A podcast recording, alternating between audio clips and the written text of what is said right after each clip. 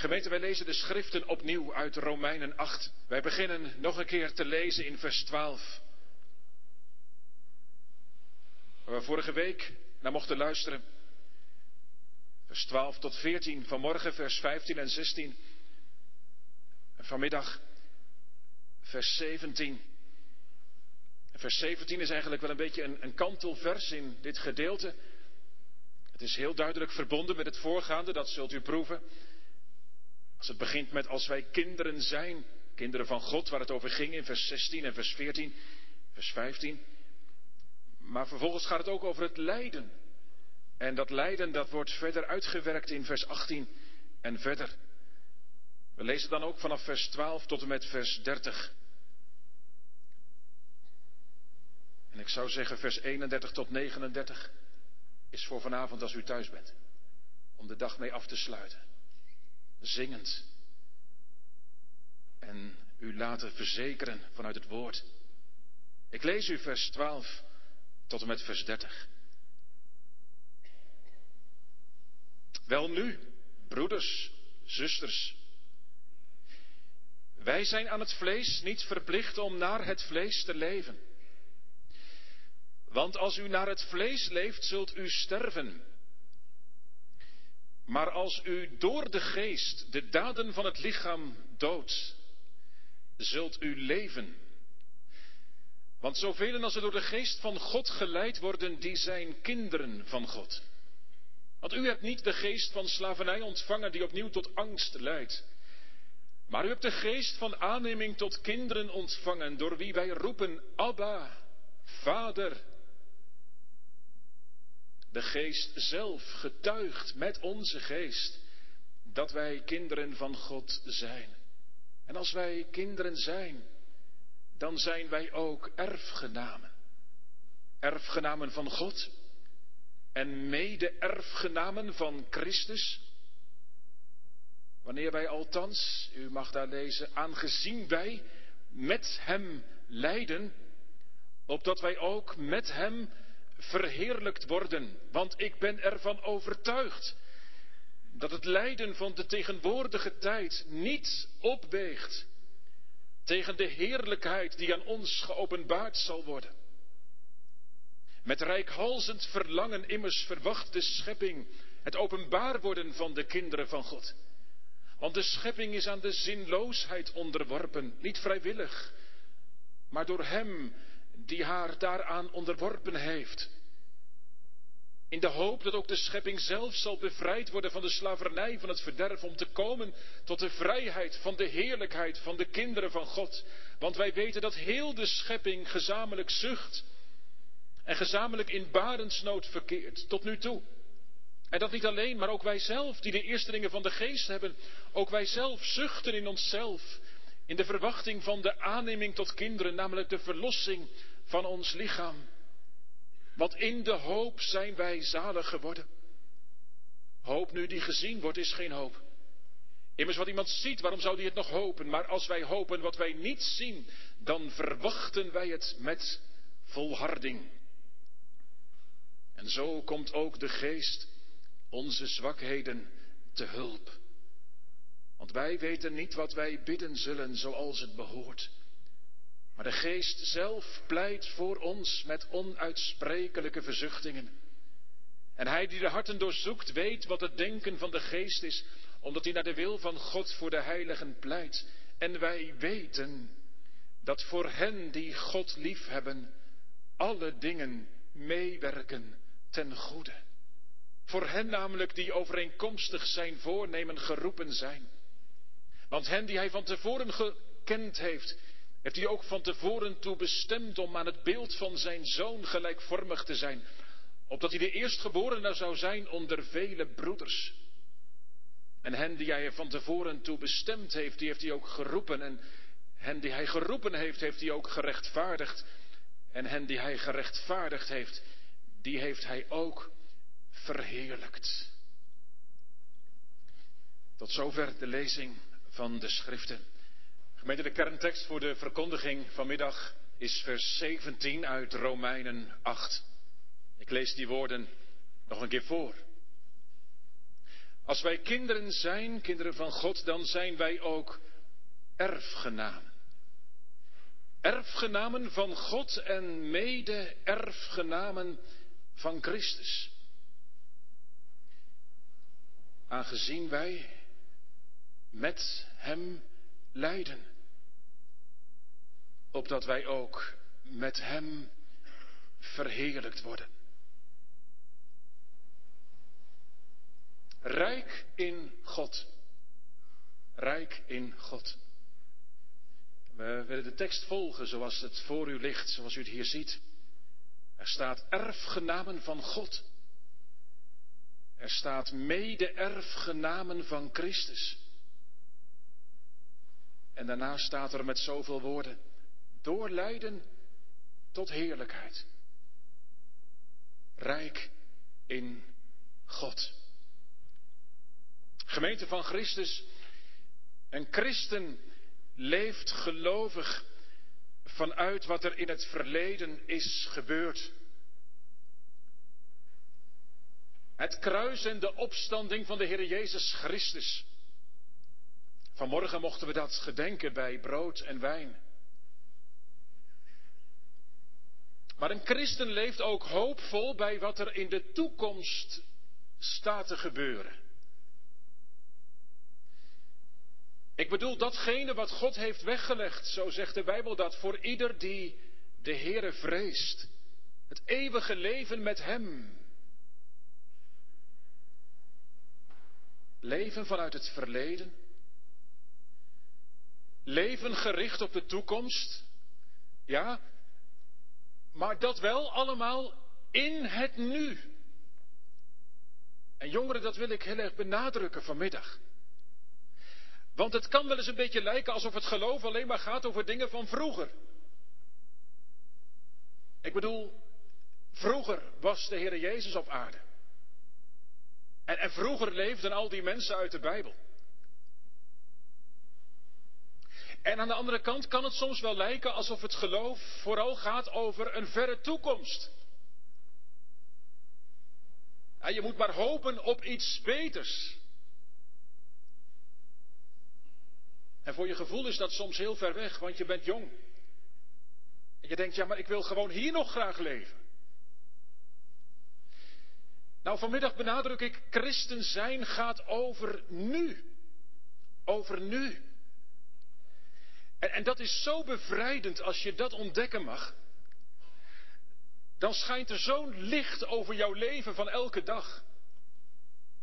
Want weet je, ten diepste ligt de overgang voor een christen niet bij het moment van sterven, hè?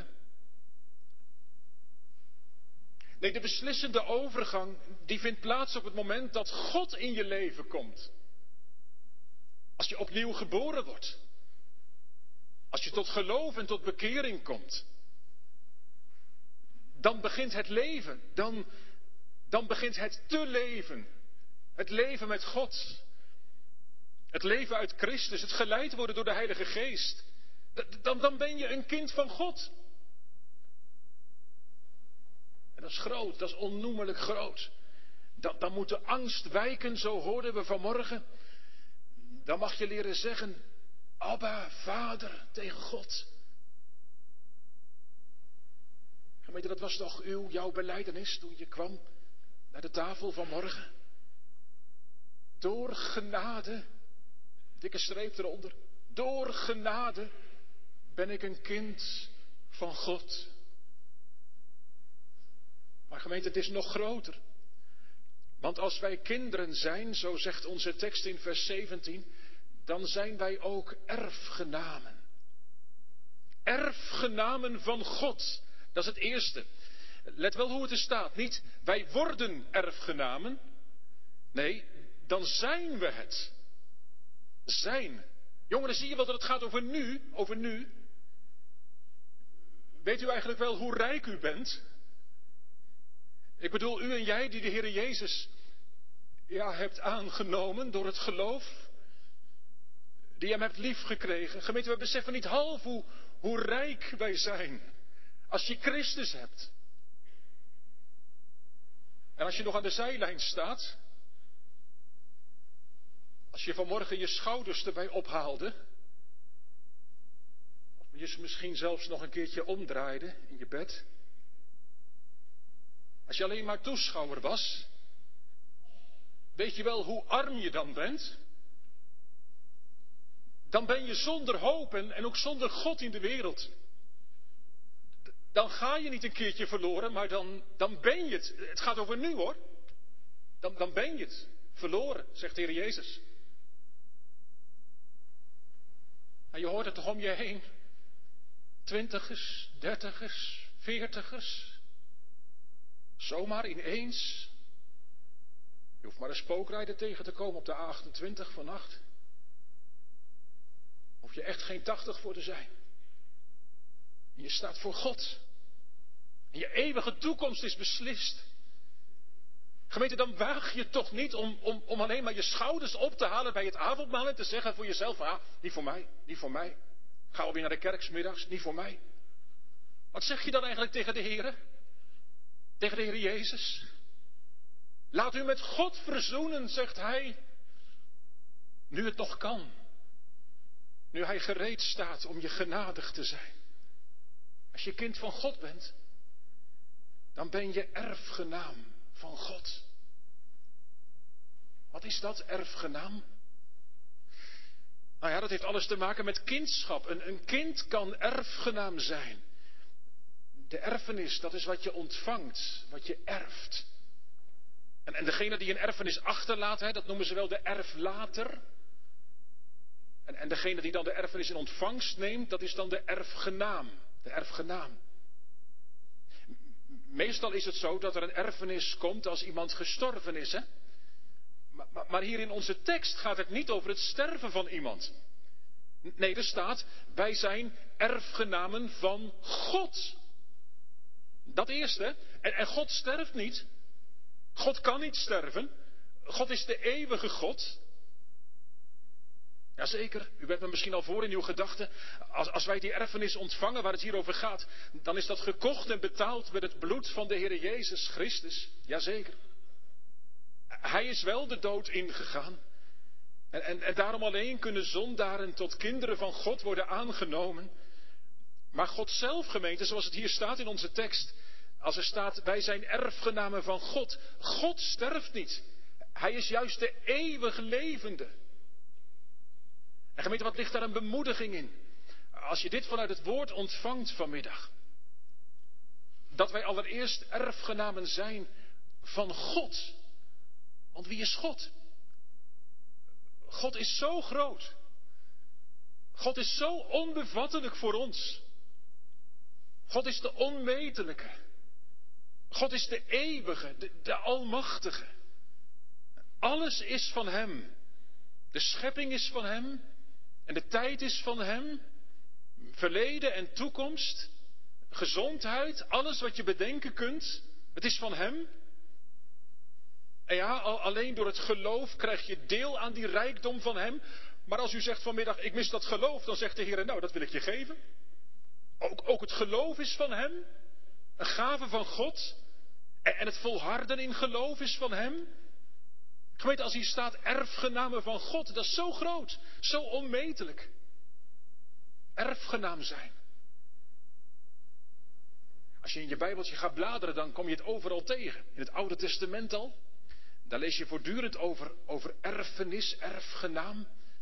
Abraham, daar komt het al volop naar voren. Die kreeg de belofte van een erfgenaam. Hij zou een zoon krijgen, Isaac. En, en, en die zou erfgenaam zijn, erfgenaam van de belofte. Erfgenaam ook van alles wat Abraham had. Het Oude Testament spreekt over een erfelijk bezit voor Israël. Het land Canaan. En, en, daarbij ging het om pure genade hoor. Pure genade. Daar zat geen enkele verdienste bij voor het volk van Israël. Het was Gods verkiezende liefde.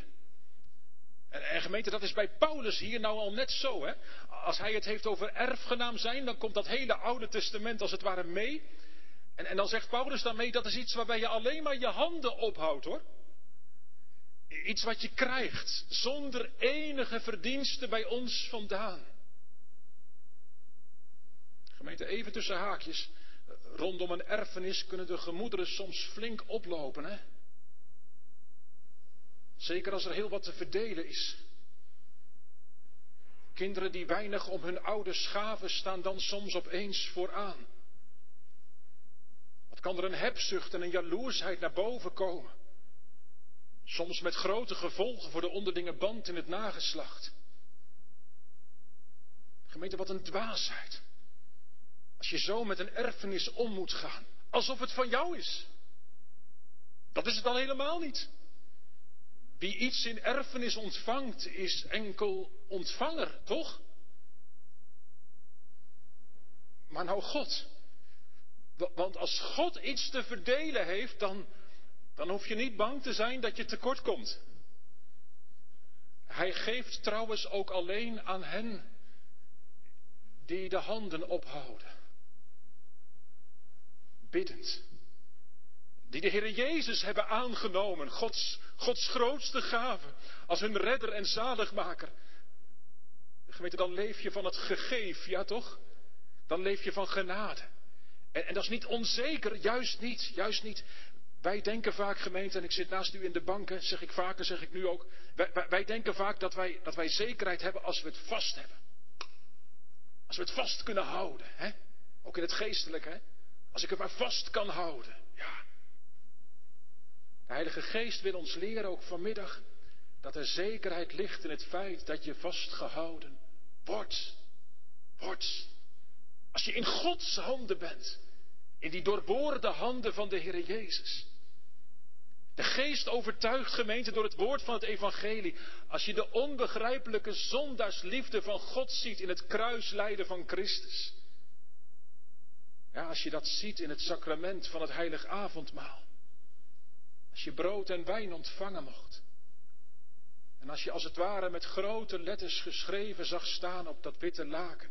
Ik voor u. Ik in plaats van u. En door die geest mocht je amen zeggen. Mocht je uitroepen, al was het vanuit de diepte, Abba Vader. En, en nou klinkt het als een verdergaande verzekering. Als wij kinderen zijn, dan zijn wij ook erfgenamen. Erfgenamen van God. Alsof de Heer zegt, gemeente, alles wat van mij is, is van u. Is van u. En die erfenis, dat is het eeuwige leven. Nee, niet iets van een verre toekomst, maar, maar nu. Terwijl je de strijd ervaart in je leven. Terwijl je worstelt met zoveel dingen die plaats kunnen vinden. Maar dat eeuwige leven, dat is de erfenis. En, en die heb je nu al. Die heb je nu al door het geloof. Wie, wie in Hem gelooft, die heeft het leven tot in eeuwigheid. En ja, gemeente, dan gaat de blik toch ook wel op de toekomst. Want dat woord erfgenaam in onze tekst, dat, dat heeft wel degelijk iets in zich van verwachting. Je bent nu erfgenaam, jazeker. Maar de volkomen uitkering, ja, dat wacht nog op straks. Als Jezus komt. We begonnen de diensten mee, die woorden van Petrus. Een onvergankelijke, een onbevlekte, een onverwelkbare erfenis. Die in de hemelen bewaard wordt voor u. En gemeente, weet u, we hebben dat al een paar keer gezien. Romeinen 8 gaat steeds over de Heilige Geest. Over in de geest zijn en over naar de geest wandelen. Over geleid worden door de geest en, en de geest van het kindschap. Weet u hoe de Heilige Geest ook volop genoemd wordt? In Efeze kom je tegen, ook wel op andere plaatsen. Daar heet hij het onderpand van onze erfenis. De geest, het onderpand van onze erfenis. Dus die Heilige Geest, die heeft God gegeven aan zijn gemeente, aan zijn gelovigen, als een onderpand. Jongeren, wat is een onderpand? Nou ja, dat is iets dat je geeft om de ander er zeker van te laten zijn dat jij terugkomt, hè? Dan moet je bijvoorbeeld ergens je paspoort achterlaten of je portemonnee of zo. En dan mag je naar binnen.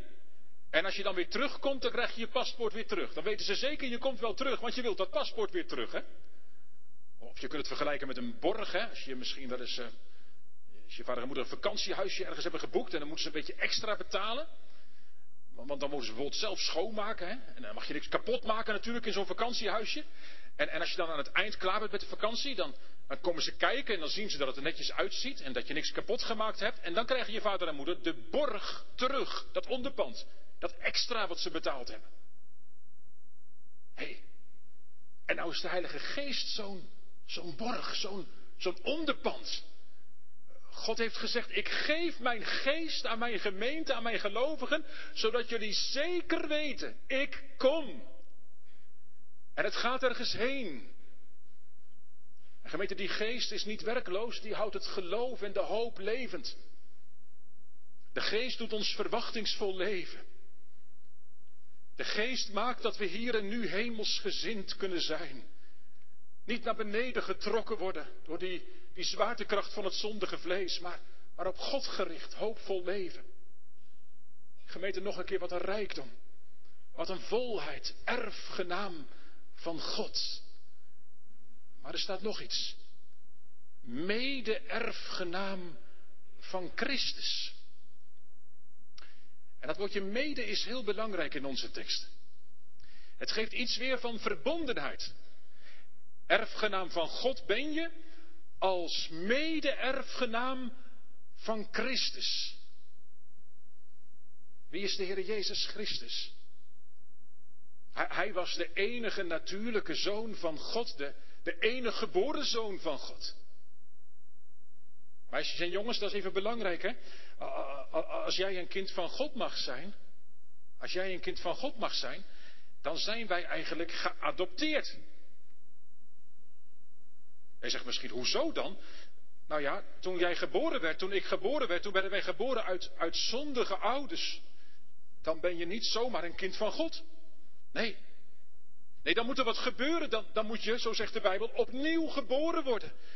Dat betekent dat je de Heer Jezus lief gaat krijgen, dat de Heilige Geest in je gaat werken, zodat je kind van God mag zijn. Maar als je dat dan bent, als jij de Heer Jezus hebt liefgekregen, ja, dan ben je als het ware geadopteerd. De Heer Jezus is de, is de zoon van God, maar, maar dan ben jij ook, ook kind van God geworden. Maar wel altijd samen met de Heer Jezus, nooit los van de Heer Jezus. Gemeente, dat is wat hier heel nadrukkelijk staat. Wij zijn het samen met Christus. Wij mogen heel veel verwachten van de Heere God, jazeker. Maar dat doen we, mag ik het even zo zeggen, gemeente, met veel eerbied. Wij mogen heel veel verwachten van de Heere God, maar dat doen we als een klein broertje en een klein zusje van de Heer Jezus Christus. Mede-erfgenaam van Christus. En gemeente, er zit nog meer in, want, want over Christus staat iets in Hebreeën 1. Moet u horen. God heeft hem, Christus, erfgenaam gemaakt van alles. hey, dus Christus, die heeft alles in zijn handen gekregen van God. Dat zei hij al toen hij naar de hemel ging. Mij is gegeven alle macht in hemel en op aarde. Christus heeft alles van God gekregen. Christus gaat erover, gemeente.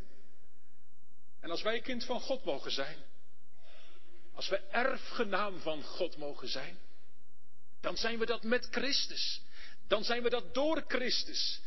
Dan zijn we dat altijd alleen vanwege de geloofsband met de Heer Jezus. Gemeente, ook daarom ligt het zo vast. Hier gaat het om hoor. Want Christus is de eeuwige zoon van God. Hij heeft zijn werk volbracht.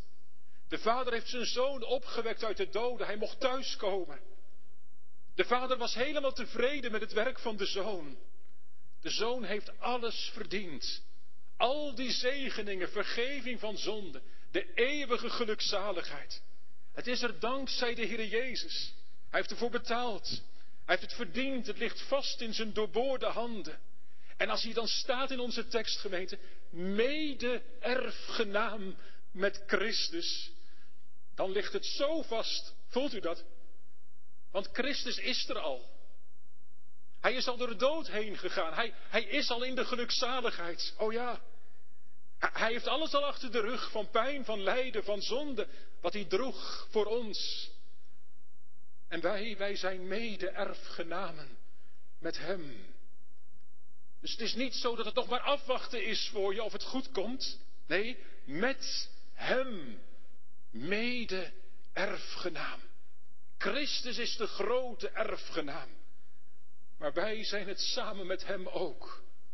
Omdat God ons uit genade tot zijn kinderen heeft aangenomen. Dat is wat vanmorgen verzekerd werd. Dat is wat God ook in de heilige doop al heeft verzekerd. Hè?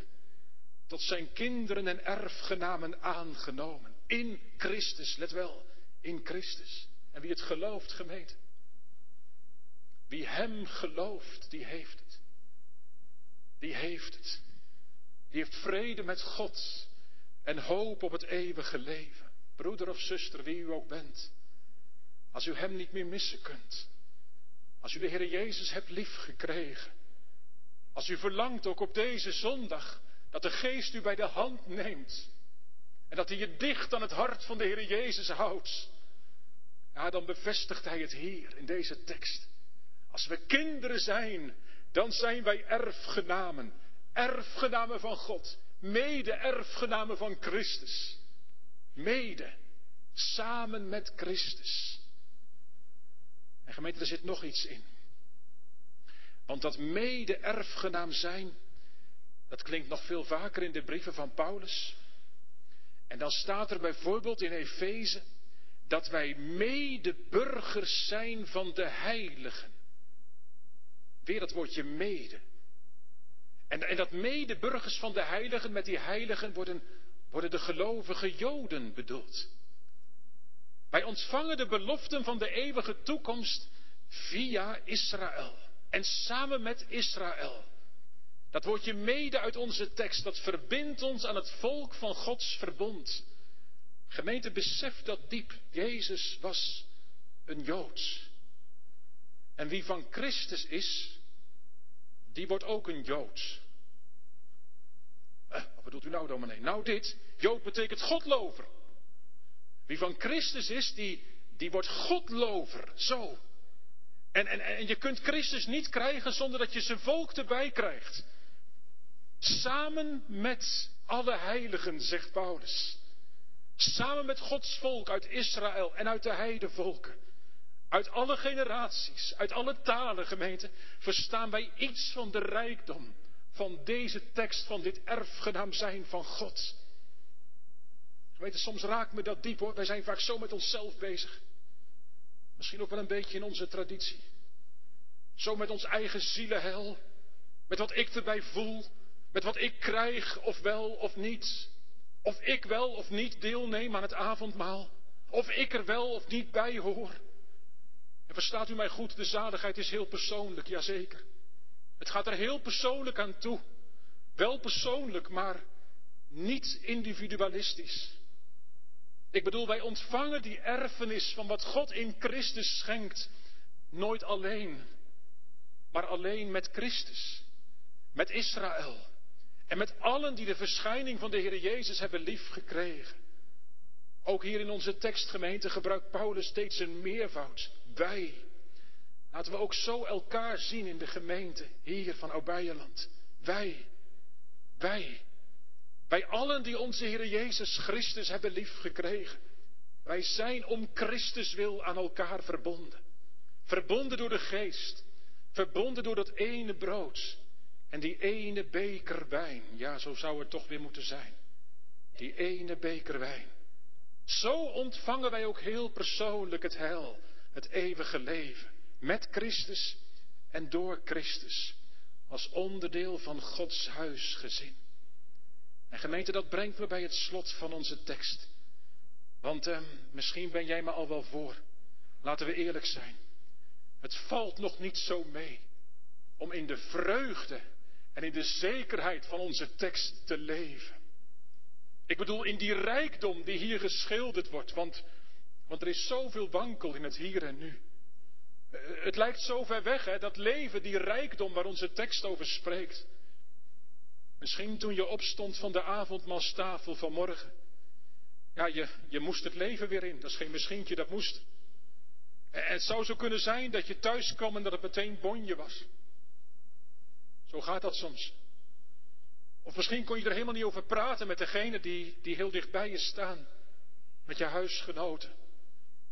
Misschien ervaar je de ontzaglijke gebrokenheid in je leven. En zat je wel aan tafel, maar weet je eigenlijk niet hoe het verder moet. Gemeente, er staat nog iets in onze tekst. Wanneer wij althans met Hem lijden, opdat wij ook met Hem verheerlijkt worden. En even voor de duidelijkheid, dit wordt niet bedoeld als een voorwaarde, zo van als je tenminste lijdt, zo niet. Nee, dit wordt veel meer bedoeld vanuit de grondtekst, vanuit deze tekst, als iets van ja, zo is het nu eenmaal. Het slot van onze tekstgemeente beschrijft een feitelijkheid. Zo is het. Wat is zo? Nou, die werkelijkheid van het lijden hier en nu. Het gaat door lijden tot heerlijkheid. Hier en nu is de heerlijkheid vaak ver te zoeken. Dat is wat Paulus hier zegt. Maar die heerlijkheid is er wel. En die komt ook. Alleen je ziet er nog zo weinig van. Hier zegt onze tekst, hier lijden wij met Hem. Let wel, er staat weer met Hem. Met Hem. Met Christus. Met Christus lijden en later ook met Hem verheerlijkt worden. Met Christus, zoals we met Christus erfgenaam zijn, zo, zo lijden wij ook met Hem. Het leven van Christus was lijden. Jongeren van de wieg tot het graf, ik moet zeggen van de kribbe tot het kruis, was de weg van Christus lijden. En ehm, dat is het voor een christen ook. Ja, het gaat over lijden vanwege Christus. Daar gaat het hier over. Dat je, omdat je radicale keuzes maakt in je leven, merkt hoe dat niet gewaardeerd wordt om je heen. Als je de zondag in ere wilt houden. Als je ervoor kiest om niet op verjaardagsvisite te gaan omdat er een kerkdienst is. Als je nee zegt tegen een bepaalde deal in het bedrijf, omdat het niet zuiver is. Als je een verkeringsrelatie verbreekt, als blijkt dat je met die ander niet de Heer Jezus Christus kunt liefhebben en dienen. Of juist als je trouw blijft in je huwelijk. Ook als het je niet oplevert wat je dacht dat het je zou opleveren. Trouw aan je trouwbelofte. Je kiest ervoor om achter Jezus aan kruisdrager te zijn. Met Hem lijden. Dat heeft alles te maken met niet achteroverleunen, maar de strijd aangaan. Dat is niet makkelijk. Dat is niet altijd fijn. Dat gaat vaak tegen mijn verlangens in. Maar dat is wel de realiteit als je aan Christus verbonden bent. Dan vecht je tegen je eigen zondige ik. En dat doet pijn. Lijden met Christus. Maar gemeente, het is hier in onze tekst toch nog meer. Want wie het vervolg van Romeinen 8 leest, en we hebben dat samen gelezen, vanaf vers 18, die ziet dat het woordje lijden hier vooral gaat over al die ellende die hier op aarde plaatsvindt. En dan heb ik het dus niet speciaal over de zonde of over geloofsvervolging, maar ook, ja, ik moet niet zeggen gewoon, maar ik zou bijna zeggen gewoon, de pijn, het verdriet, de gebrokenheid, waar wij in meerdere of mindere mate allemaal mee te maken hebben en krijgen. Paulus noemt het in vers 18 het lijden van de tegenwoordige tijd. Gemeente, dat gaat over het verdriet dat u hebt. En wat altijd in uw hart is vanwege uw zoon of uw dochter die u kwijtgeraakt bent. Jouw vader of je moeder die je mist. Uw man of uw vrouw. Het is de ziekte waar je mee te maken hebt. Het gaat hier over psychische nood.